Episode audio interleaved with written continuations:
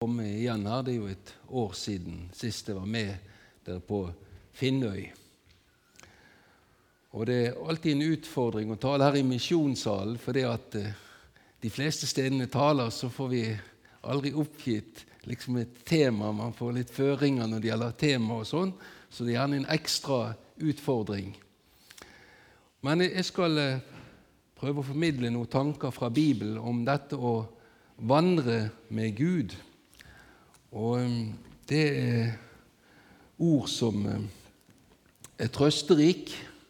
De gir oss styrke, de gir oss inspirasjon. Men samtidig så er det et vekkelsesbudskap i det. Men eh, vi må være klar over når det gjelder Guds ord, sånn, så er det slik at eh, ordene de kan av og til treffe oss. Men når Guds ord treffer oss, så er det ikke fordi at det skal såre eller sette oss utenfor. Men Gud han har alltid en god tanke med det.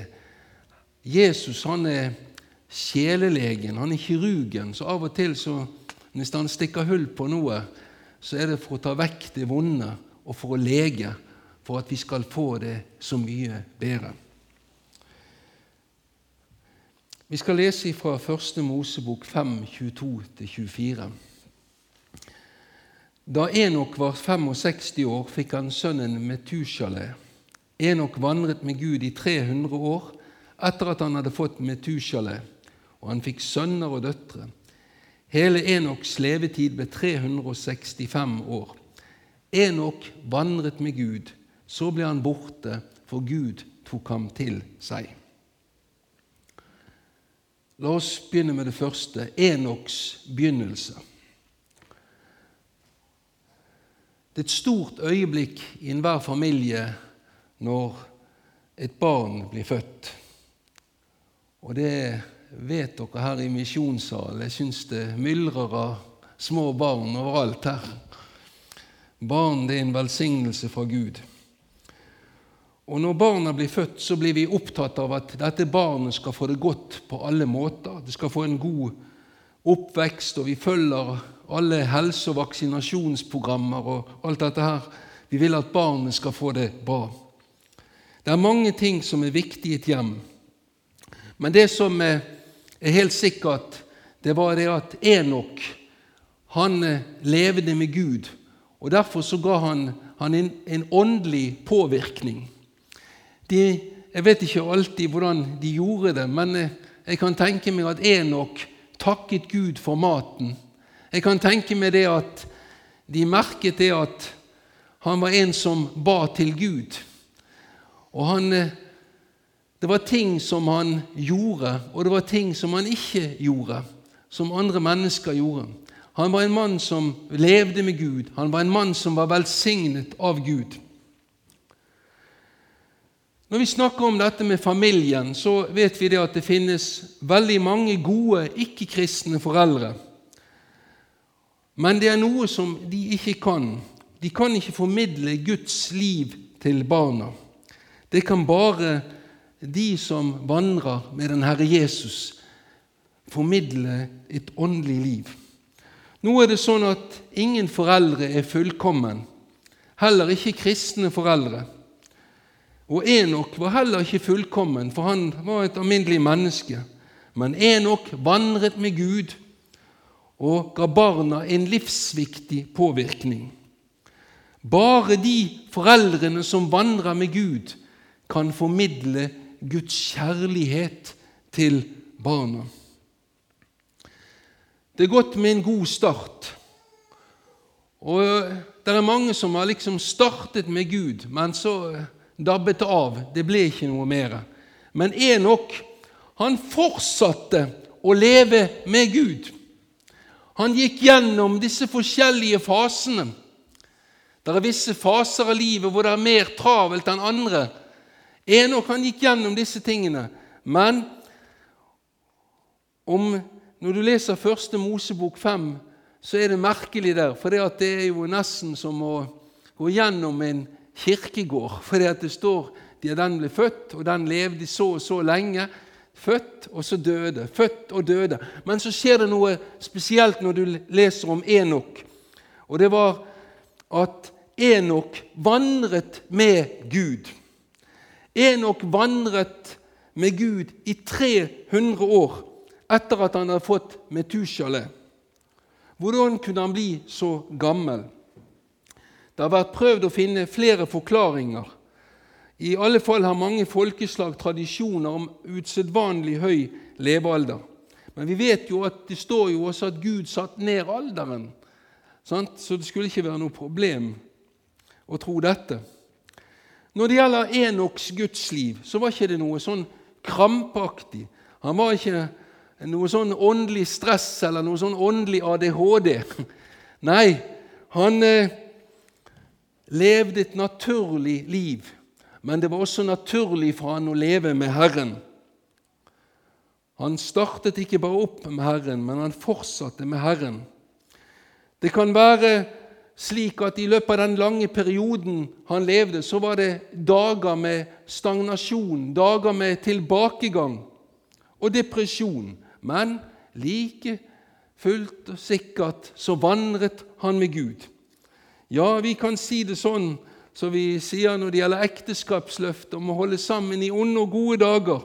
Ja, han holdt seg til sin Gud gjennom onde og gode dager.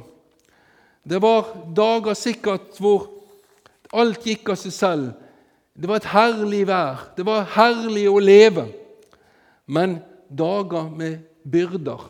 Dager kanskje med sykdom. Dager hvor det var dødsfall, det var sorg. Men like trofast så vandret han med Gud. Det var nok ikke alltid lett for Enok dette også følge Herren, for han levde i en vanskelig tid. Ugudelighet og ondskap var det mye av. Vold og seksuell umoral rådet blant folkene, og folk tok ikke dette med synd så alvorlig.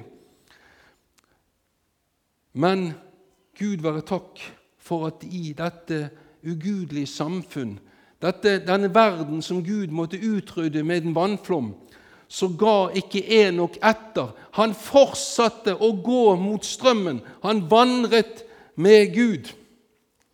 Og hvorfor var han i stand til å vandre med Gud? Jo, for det var basert på et fellesskap. Det var basert på et nært vennskap. Og her er en nøkkel for oss til å forstå hvordan han kunne leve slik i harmoni med Guds vilje. Han trodde seg elsket av Gud, og det fikk han oppleve. Gud ga han åpenbaringens ånd, og åpenbaringens ånd det betyr jo å avdekke det skjulte. Han fikk se inn i Guds verden. Han fikk se helt frem til tiden ved Kristi komme. I Judas brev 4,14, altså i Det nye testamentet, så sier, sies det om denne mannen det var også dem at Enok, Adams etterkommer, i sjuende ledd profeterte da han sa:" Se, Herren kommer med sine hellige engler i tusentall for å holde dom over alle og kreve alle gudløse til regnskap for alle ugudelige gjerninger de har gjort, og for alle trassige ord de har rettet mot ham, de gudløse syndere. Altså, Han fikk se langt forbi den tid vi også lever.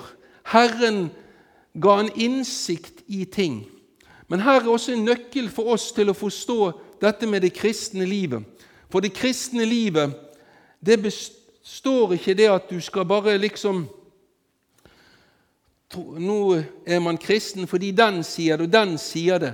Men Jesu invitasjon til oss det er alle å komme inn i et nært fellesskap.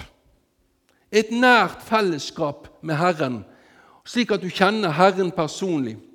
Av og til så har man hørt om kristne brødre og søstre som har gått over streken og så har de liksom begynt å si til en eller annen 'Å ja, jeg kjenner det, du skal reise til Afrika, du skal reise til Asia', osv. Så, videre. så sier de 'Men du, det nytter ikke å bygge livet på andres åpenbaring'. Men Paulus han har en sterk bønn til menigheten. Og han sier det 'Å, måtte jeg få kjenne ham'. Men kjente ikke Paulus ham. Men allikevel så uttrykker han dette sterke 'Å, måtte jeg kjenne ham', og samfunnet med ham, med hans lidelser og kraften av hans oppstandelse. Og det er der vi lever. at vi må komme inn i dette intime samfunnet med Jesus, så vi kan si som apostel Paulus 'Jeg vet på hvem jeg tror'. Det er vår overbevisning. Og vi trenger overbeviste kristne. Så på her, disse her som, som eh, eh, ba, disse her muslimene som sto her, fem ganger for dagen. Sant? Og så og så tenker på man mye i Kristen-Norge. For et light-opplegg man holder på med. Nei, ånd må bekjempes med ånd. Vi må inn for Herren og be om Hans kraft.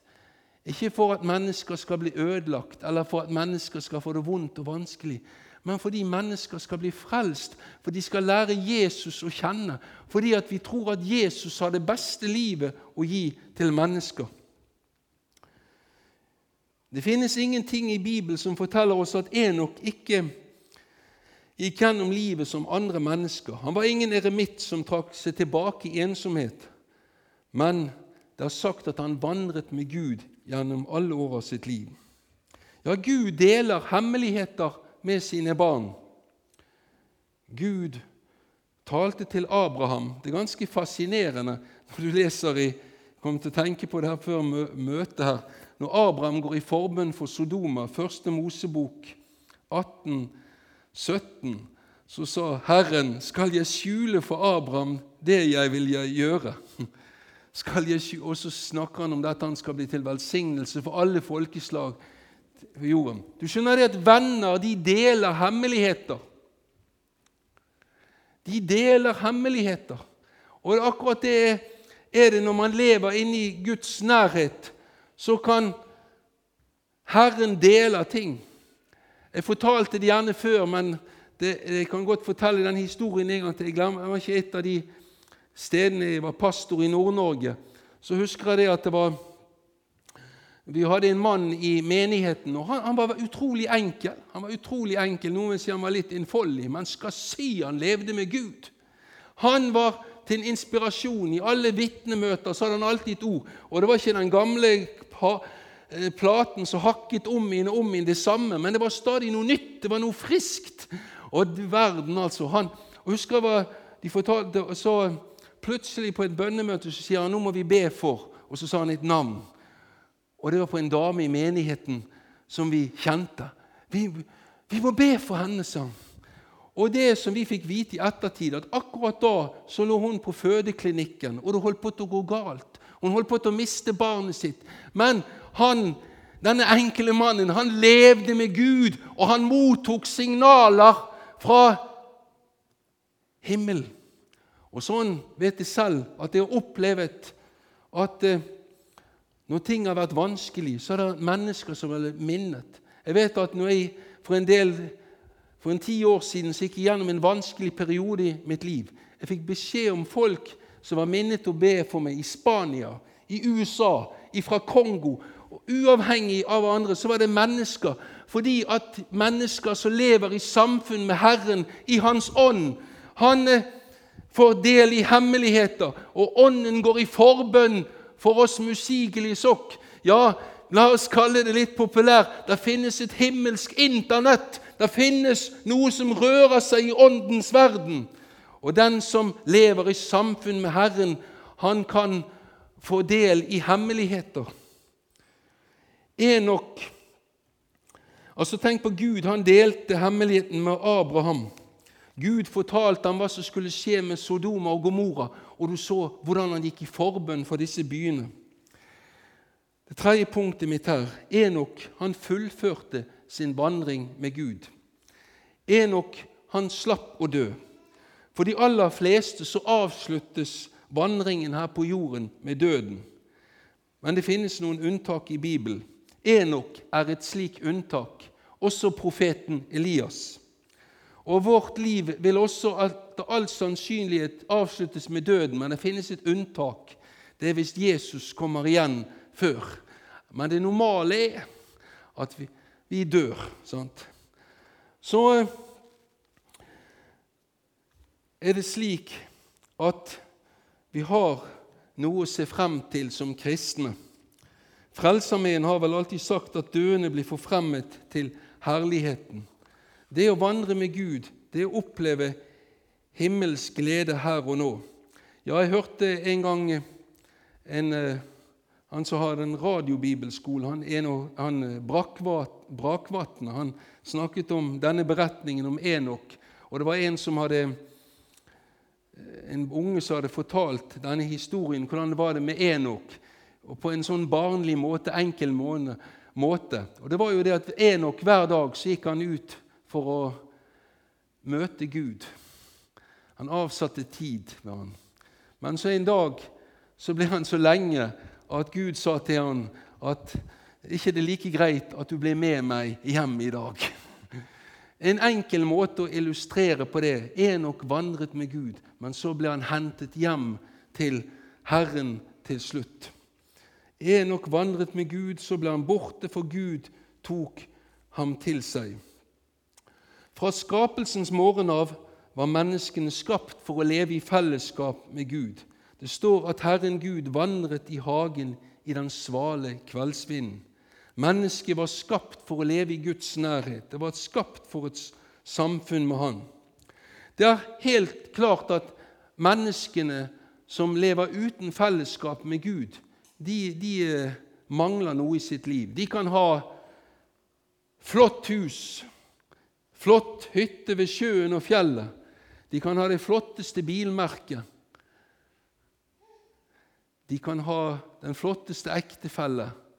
Men hvis de ikke har Gud med i livet, så mangler de noe vesentlig. Verdien av hus, arbeid, venner og ektefelle det må på ingen måte undervurderes. Men livet det må ha en mål og en retning for noe utover dette. Mennesket lever ikke bare av brød, men av hvert ord som går av Guds munn, sa Jesus. Det er ikke så lenge siden så for noen måneder siden så døde en av de som jeg gikk og studerte teologi med. Han døde av kreft. Og eh, Det var en ganske tøff sak.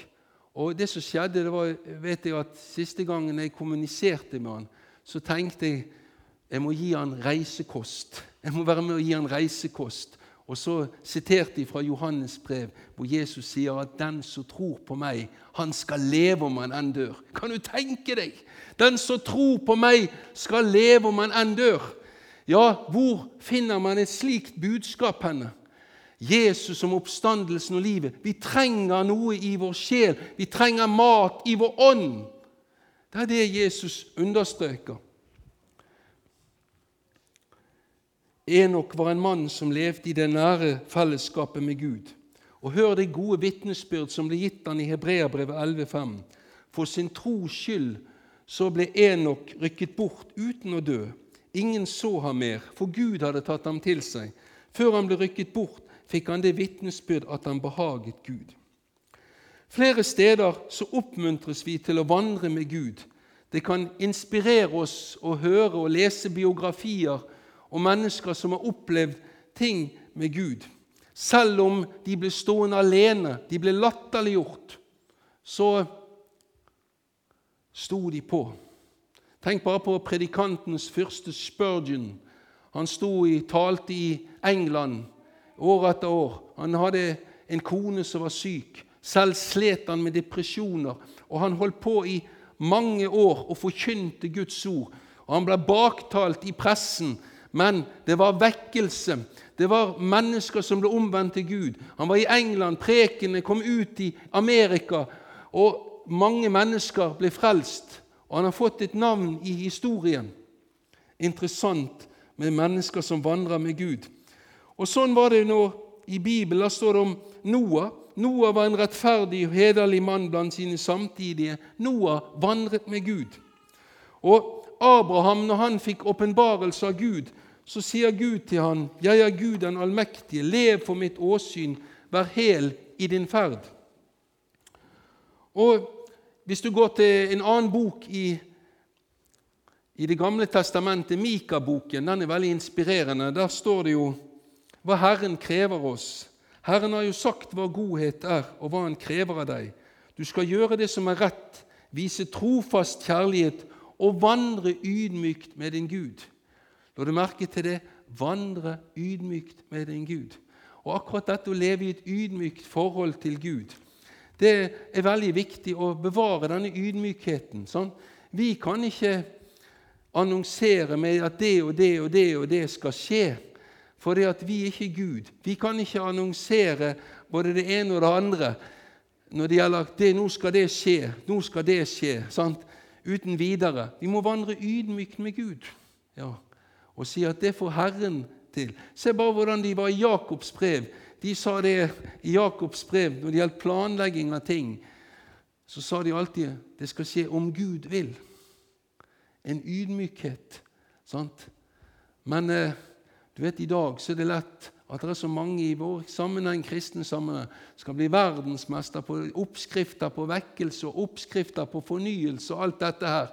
Nei, la oss være ydmyke for Gud og så si det som var bønnen i Det gamle testamentet. Dersom dette folket ydmyker seg, vender om fra sin onde vei og ber til himmels Gud, da vil jeg høre deres bønner, og jeg vil lege landet.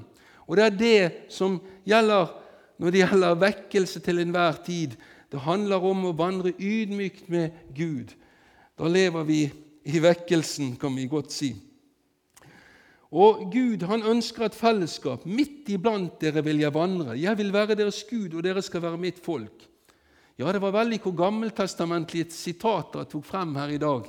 Men la oss gå til Det nye testamentet, hvor Jesus sier noe. For hvor to eller tre er samlet i mitt navn, der er jeg midt iblant dem.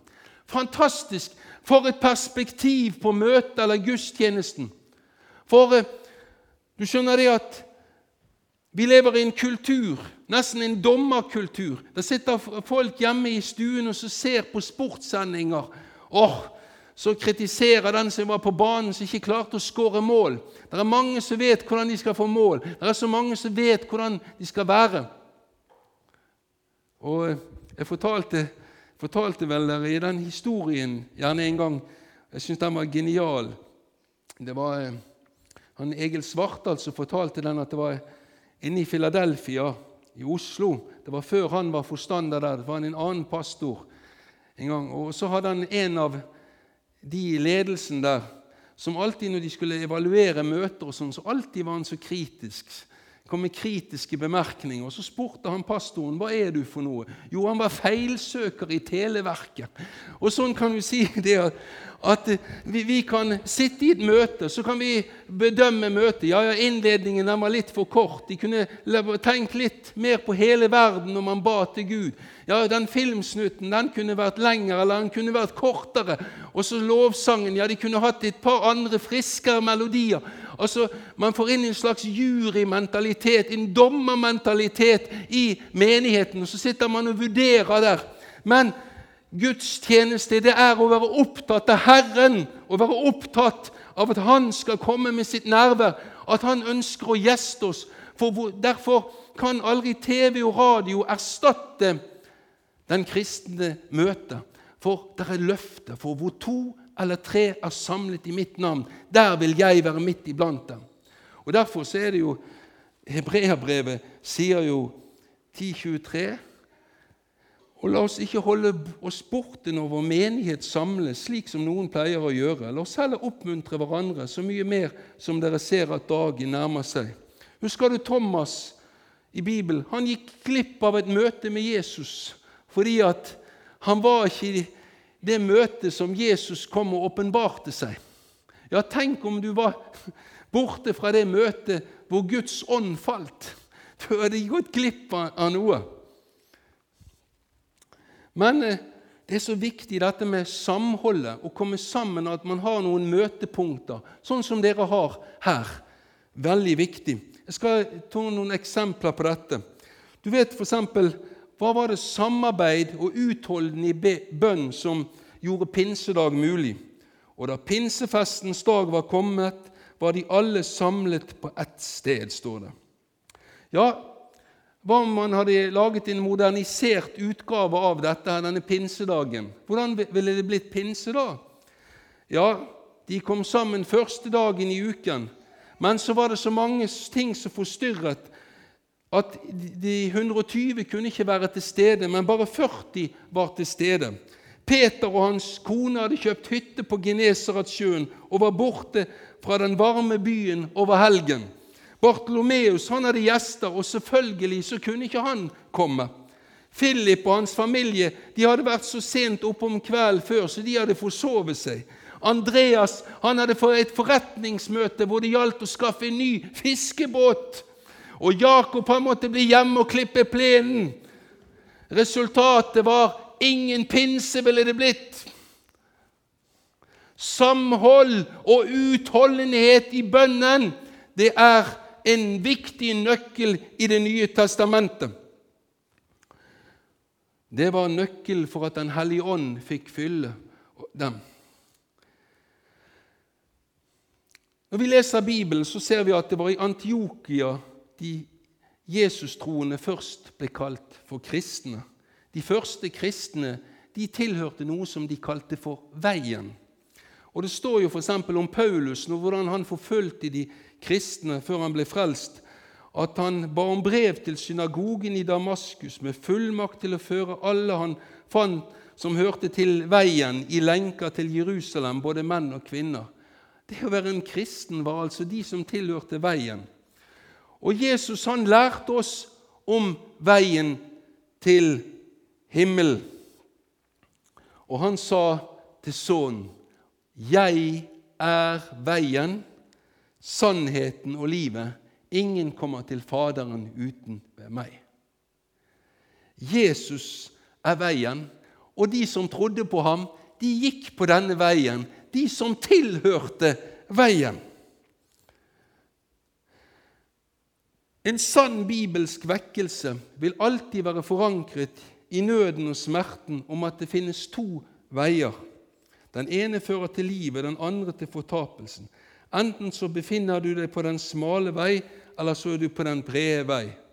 Ja, jeg kjente, jeg kjente det at eh, når jeg skulle lese det, det ordet der, så tenkte jeg du verden hvor, hvor, lite det ordet der ble tatt frem i vår tid. Og så kjente jeg det at det ble en veldig kamp i mitt sinn, i mitt indre. For Jesus sier det slik i Matteus 7, 13-14.: Gå inn gjennom den trange port, for vi er den port, og bred er den vei som fører til fortapelsen, og mange er de som går gjennom den. Men en trang port er den port, og smal er den, fører, er den vei som fører til liv, og få er de som finner den. Altså Enten så er dette en løgn, eller så er det en sannhet. Er det en sannhet, så burde nøden overfor de ikke-kristne drive oss i bønn. Eller så burde vi ta konsekvensen og si at vi ikke trodde på Bibelens budskap. Det er klart et radikalt budskap. Å vandre med Gud er å gå på den smale vei. Navnet på veien heter Jesus. Og Her er det ting som vi må være klar over. Vi mennesker vi er sånn sammensatt at eh, vi liker å høre positive ting. Sant? Alt skal være positivt. Sånn. Vi skal være så positive i alle ting. Sant? Må ikke komme med noe negativt. Sant? Og det er mye kjekkere det når folk skryter av oss, enn når de sier det var bånd i bøtta. Sant? Og da står man her overfor et, et valg. Sant? Jeg, jeg, husker jeg var nokså forferdet her forleden. Jeg hørte en, en radioandakt av en, en sånn eh, kjent kristen personlighet i Norge. Og så sa han det at du eh, eh, er så god. Du er så god, og du er så god. Og sånn kommer frem med, det, frem med dette her hele tiden i andakten, at folk var så gode. Sånn? Altså, det er veldig viktig å ikke trykke folk ned, men poenget her er å formidle at Bibelen har et budskap om at hvis vi er sånn som vi er, så så er ikke vi gode nok. Vi trenger frelse. Og det er akkurat det at Hvis vi bare forteller menneskene at alt er greit, da trenger jo ikke de korsets anstøt. Og du kan si det at eh, Det var en som sa til meg det at han kunne ikke forstå det var så mange snille og greie folk at, at de kunne gå, gå fortapt, sånn som hadde gjort mye. Så sa jeg det at ja, men tenk for deg et bilde at du er om bord i, i et stort skip Og der i det skipet så kunne det være mange folk som hadde vært fantastisk for mødre og fedre og bestefedre og alt dette her. Og de kunne ha gitt på tusenvis til, til de fattige og gitt til misjonen og alt så videre. Men hvis det oppsto en brann i nødsituasjon, så var ikke det det det var spørsmål om, men det var spørsmål om å finne utgangen og finne plassen i livbåten. Og Det er akkurat det evangeliet snakker om. De snakker ikke om at det ikke er mange mennesker som gjør noe godt, men det er bare det at vi har alle sammen en dødsdom hengende over oss. Og den dødsdommen er reell. Sant? Jeg vet det at eh, jeg er 57 år, og, og, og jeg tviler på at det blir 50 år til. Jeg kan hende jeg dør i morgen. Sant? Det er realiteten.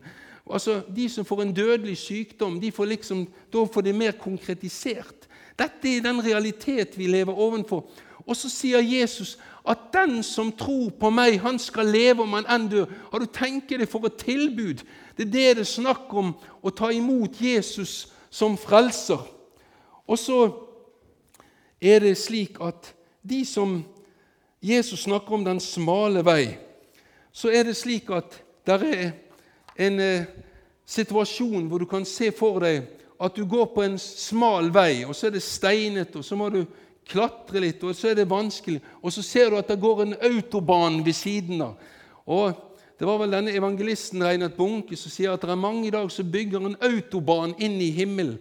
Bibelen taler om enten så er du på den smale vei, eller så er du på den breie vei. Og på den breie vei der er vi alle sammen, hvis ikke vi velger å gå bort ifra den. Hvis vi må ta et bevisst valg ok, jeg vil følge Jesus Kristus. Og så er det et tankekors her i teksten. Hvordan kan Gud tillate at det er så mange som går fortapt? Ja, det er et stort tankekors. Og Det slet disiplene med også. I Lukas 13, 23 så så han her er det få som blir frelst. Han sa da til dem, kjemp for å komme inn gjennom den trange dør. Men jeg sier dere, mange skal forsøke å komme inn, men ikke klare det. Jesus han på en måte unnviker spørsmålet om det er få som blir frelst, med oppfordringen 'Kjemp for å komme inn'. Dommen hører altså Gud til. Og ikke er det godt å vite at dommen den hører Gud til. Det er ikke vi som skal dømme. Sant? Men Jesus, Gud har vist oss at han bryr seg om oss ved å sende Jesus til vår verden. Dommen hører Herren til. Men så står det også det at Gud ønsker, Gud vil at alle mennesker skal komme til sannhetserkjennelse og bli frelst. Det står også det i himmelen at det skal komme 144 000 pluss en skare av etter- og tungemål som ikke vi kunne telle. En kjempeskare i himmelen skal komme inn der. Sant? Men eh, og vi ønsker at folk skal komme til himmel, men det vi må hele tiden stå innenfor den realiteten at vi kan komme fort på den brede vei. Det er så mange ting. For det at det å følge Jesu vei, det betyr forsakelser. Det betyr også forfølgelser og problemer. Men Valget er vårt. Det handler om et veivalg, sier politikerne ofte. Det handler om et veivalg. Og sånn sies det også til oss gjennom Bibelen. Den smale eller den breie vei. Og dette her, det er tøffe saker. Og Jeg var i bønn i morges til Gud, og det ble så veldig klart for meg med så veien som Jesus kaller oss til å gå på. Så ser jeg for meg at du går på denne veien og så kommer det sigende masse tåke. Du kan nesten ikke se. Og så kommer det mørke. Åh, oh, det er så mørkt, men du må bare fortsette å gå. Og så går det gjennom daler. Så går det opp på topper hvor det er helt klart. Det er som du ser himmelen. Og så går det ned igjen, og så går det omveier. Og Husk Israels folk, det er et forbilde for oss. De ut, de var blitt frelst gjennom havet de gikk gjennom, men så måtte de gå i ørken. Og så står det at Herren han ledet dem ikke den letteste veien. Nei, Gud han leder oss aldri den letteste veien, men poenget er at den veien han leder oss, den fører til det evige liv. Og Derfor er han verdifull. Men så er det en dimensjon i dette hele. at er det så tørt og kjedelig å være kristen? Ja, det kan være tøffe dager. Men det er bare det at når du er sammen med Jesus, sammen med Han, da opplever du Hans velsignelse. Når du har vært gjennom smerten, så kan du se det at Jeg husker jeg kan si, inni baptismen på Olga Vi hadde en dame som, som het Olga. Hun var menighetens bønnedame nummer én. Og, og når hun døde, så sa lensmannen til meg at du får aldri en sånn medlem igjen. Hun var enorm, altså. Men hun sa Kjell, er det onsdag? Er det bønnemøte? Er det bønnemøte? Fordi at hun visste det, at der var Jesus. Å kjenne hans samfunn, han som sa 'Jeg er med dere alle dager'. Og det vet jeg når jeg har vært innenfor Herrens nærhet. Da har jeg smakt noe som jeg aldri vil miste. For jeg vet på hvem jeg tror. Jeg vet at Jesus lever. Jeg vet at budskap er en realitet. Og da kan jeg hoppe av glede, for Herren Jesus, han er med. Og han vil være med på hele veien. 'Jeg er den gode hyrde', sier Jesus. Og Hvis du leser på om hyrden i Salme 23, så ser du at hyrden ledet gjennom dødsskyggens dal. Han ledet til hvilens vann. Det var forskjellige faser. Ja, Herren leder oss inn i mange faser. Og vi, var, vi vet ikke alltid hvordan vi skal komme gjennom det. Og Apostel Paulus han sier vi har alltid presset, men ikke knekket, slått, men ikke utslått. Vi er i tvil, men ikke fortvilet, for alltid bærer vi Jesu død i vår kropp. Og så er det dette at ved den trøst vi har fått av Jesus, vil vi formidle til andre. Ja, ja, det var herlig å tale til dere her i dag. En fin flokk her. Men altså, det handles om å begynne å vandre med Herren. De handler om å fortsette. Og vi kjenner alle sammen noen som det har gått galt for. Som ikke har fullført vandringen. Og her må vi rykke ut. Ja, hva er det vi gjør da? på den vanlige E39 når det er en som kjører i grøften. Sant? Rykker vi ut med Norges lover og så klubber i hodet med veitrafikkloven? Nei, vi ringer AMK 113. De trenger nødhjelp, de trenger førstehjelp. Ambulanse. Og Jesus han sa det. 'Jeg er ikke kommet for å kalle rettferdige, men det er de syke som trenger lege.' de det har gått i stykker for, de som har mist alle forhåpningene i liv. Det er de Jesus er kommet for. Og han kom for å reise den svake opp. Og han er kommet for å gi oss et liv. Et liv som ikke er bygd på materialisme, men et liv i overflod, et åndelig rikdom. Kjære venner, vi har noe å tilby. Og Derfor så ser du mange ganger sånn som i åpenbaring, at de der menighetene som var gørr fattige økonomisk, de hadde åndelige rikdommer. De hadde åndelige rikdommer. Det skjedde ting der. Men de som hadde veldig alt dette ytre i orden, der manglet livet. Kjære venner, vi trenger Jesu liv, og så er han her iblant oss. Og så vil jeg avslutte med å minne om dette som Josva sa. Jeg og mitt hus, vi vil tjene Herren. Legg merke til når Jesus kalte disiplene, så sa han 'følg meg' men han går også på en måte kalle et nytt, en ny fase seinere, når han snakker med Peter ved Geneser, altså der Tiberiasjøen.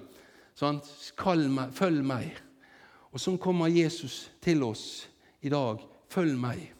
Og siterte hva Josfa sa, 'Jeg og mitt hus, vi vil tjene Herren'. Det fortelles av bibelkommentarer at hvert syvende år så måtte Israels folk svare på dette bekjennelsen. 'Vil du tjene Herren?' Når folk gifter seg i dag, så sier de ja, de skal elske og ære hverandre. Men hvis de ikke lever i denne her overgivelsen til hverandre, så stopper det opp. De må, de må overgi seg på hverandre til nytt igjen. Og Sånn er det med vårt forhold til Herren. Jeg måtte si det i dag før jeg går. Kjære Jesus, jeg må gi alt til deg. Alle problemene, alle gledene. Alt må jeg gi til deg, og så vil jeg følge deg. Du verden for en rikdom. Så kommer han med sin ånd, så kommer han med sin kraft. Jeg tror hun sier ammen der.